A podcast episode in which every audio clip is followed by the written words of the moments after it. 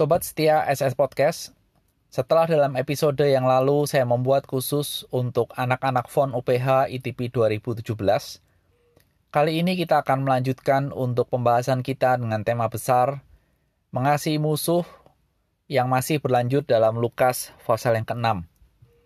Sebelum kita masuk ke dalam pembahasan itu dengan tema Aku Siap, saya ingin mengajak kita semua untuk membawa dalam doa kita ayah dari Fami, salah seorang sobat setia SS Podcast, di mana ayahnya mulai mengalami hilang ingatan karena satu penyakit yang dideritanya.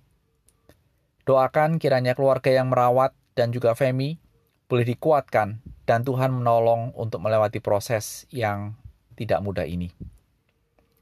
Dan dengan tema Aku Siap, Mari kita membaca dalam Lukas pasal yang ke-6 ayat 29 sampai dengan ayat yang ke-30.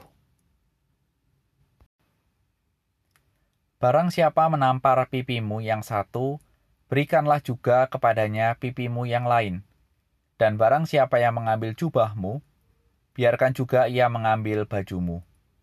Berilah kepada setiap orang yang meminta kepadamu, dan janganlah meminta kembali kepada orang yang mengambil kepunyaanmu. Mari kita berdoa. Bila kami merenungkan firman-Mu, berikan kepada kami hati yang rela berubah dan diubah oleh firman-Mu. Demi Tuhan Yesus, amin. Sobat setia SS Podcast, dalam beberapa film yang pernah saya tonton, ada beberapa ajaran yang muncul dalam sebuah dialog. Ajaran itu salah satunya adalah bila engkau dipukul atau disakiti oleh orang atau lawan atau musuhmu, jangan diam saja. Responlah, balas. Karena kalau engkau diam saja, maka akibatnya engkau akan babak belur dan hancur. Terlihat itu sebuah ajaran yang nyata dan umum, diajarkan dalam dunia kita ini. Namun sekali lagi kita perlu bertanya, Apakah kehadiran Tuhan Yesus yang mengajarkan khotbah di bukit juga mengajarkan hal yang sama? Dua episode yang lalu tema kita adalah kasihi musuhmu. Dan sekarang ini masih dalam sebuah kelanjutan, kita akan membahas pengajaran yang sekali lagi radikal yang diajarkan oleh Tuhan berkaitan dengan musuh. Apa ajarannya?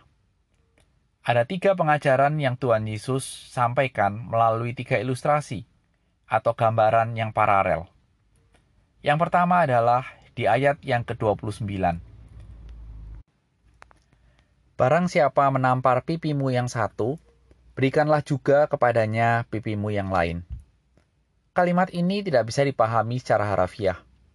Karena kalau ini kita pahami secara harafiah dan kita terapkan apa adanya, bayangkan saja, kalau terjadi dalam kehidupan kita, orang yang berselisih paham dengan kita kemudian menampar pipi kita. Tentu sebelah kiri pipi kita kalau pakai tangan kanan untuk menampar pipi kita. Dan akan kena pipi sebelah kanan kalau orang itu kidal. Dan kemudian kita ingat ayat ini dan berespon. Silahkan tampar pipiku yang sebelah lagi. Maka sakitlah semua muka kita. Karena ditampar kiri dan kanan Lalu kita perlu memikirkan, kalau bukan harafiah, lalu apa artinya pengajaran ini? Di dalam bahasa Inggris ada sebuah istilah, turning the other cheek, atau membalikan pipi yang lain. Menoleh, kemudian meninggalkan untuk menghindari konfrontasi. Hal inilah yang kira-kira boleh diartikan untuk pengajaran Tuhan Yesus. Dan ini ada dalam sebuah konteks musuh. Meskipun reaksi kita sebagai manusia normal sering kali akan memukul balik, tapi Tuhan mengajarkan untuk menghindari itu. Tentu kita bertanya, mengapa? Untuk apa? Bagaimana kita bisa mengasihi ketika kita membalas dengan sesuatu yang akan melukai lawan atau musuh kita? Meskipun ini dalam konteks musuh, Tuhan Yesus mengajarkan jangan membalas, Jangan meninggalkan posisi mengasihi, mendoakan, dan memberkati, dan masuk ke dalam sebuah gelanggang yang saling menyakiti sampai berdarah-darah.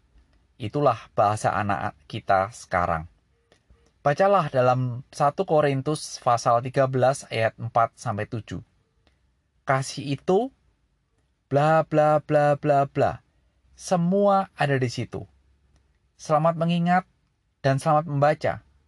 1 Korintus 13 ayat 4 dan 7. Ajaran yang kedua atau poin yang kedua adalah setelah Tuhan mengajarkan hal itu, Tuhan mengajarkan kalimat berikutnya. Dan barang siapa yang mengambil jubahmu, biarkan juga ia mengambil bajumu. Itu pasal 26 ayat 29b. Sekali lagi jangan terapkan ini secara harafiah. Kita harus memahami arti dari pengajaran Tuhan Yesus yang paralel dengan pengajaran yang sebelumnya atau poin yang pertama. Yaitu apa? Intinya menolak untuk membalas. Dan kemudian masuk ke dalam ayat 30. Tuhan juga mengajarkan, berilah kepada setiap orang yang meminta kepadamu, dan jangan meminta kembali kepada orang yang mengambil kepunyaanmu. Ayat 30 memiliki nada yang sama dengan ayat 29, bahwa ketika musuh kita berusaha mengambil apa yang kita miliki, kita harus masih mengasihinya. Pada titik ini mungkin kita bertanya, maksudnya apa? Ajaran dari Tuhan Yesus mengajarkan bahwa kasih kita harus melampaui perbuatan jahat. Itulah poin yang ditekankan oleh Tuhan Yesus. Inilah ajaran radikal dari Tuhan Yesus buat pendengar pertama saat itu, pembaca saat itu, dan kita hari ini. Pada saat ajaran itu diajarkan, mungkin pendengar dan pembaca pertama bisa mendapat gambaran atau penjelasan dari kisah Hosea yang diminta oleh Tuhan untuk mengasihi Gomer, perempuan sundal. Kisah dalam perjanjian lama. Inilah kisah yang mempertontonkan kasih Allah kepada Israel, umat Allah. Namun bagi kita, kalau kita bertanya, apa gambaran buat kita dari ajaran ini? Atau kita bertanya, kalau Kristus mengajarkan hal itu, apakah Kristus juga menjalankan, menghidupi ajaran ini? Kita bisa mendapat sebuah jawaban, ya, pasti. Tuhan menjalankan apa yang diajarkan. Kapan? Ketika Tuhan Yesus ditangkap, kemudian diadili, ditampar, para prajurit meludahinya dan mencambuknya, dan memasukkan mahkota duri ke, ke kulit kepalanya, serta mengejeknya sebagai raja. Mari kita bertanya, apakah Tuhan membalas? Apakah dia bisa membalas kalau Tuhan mau? Jawabannya, betul, pasti bisa. Hanya dengan berkata, saya yakin prajurit dan orang yang membencinya akan kalang kabut. Tapi apakah Tuhan Yesus melakukannya? Tidak. Mengapa?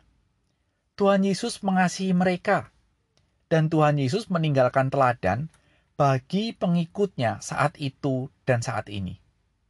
Lihat, di atas kayu salib, Tuhan Yesus memperlakukan musuhnya dengan memohonkan doa, berkat bagi mereka dengan berkata, Bapa, ampuni mereka, karena mereka tidak tahu apa yang mereka perbuat.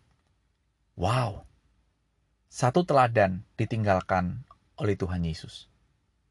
Jika Tuhan Yesus meninggalkan teladan buat kita, siapkah kita meneladani Tuhan Yesus? Tuhan, aku siap meneladani, mengikuti jejak seumur hidupku.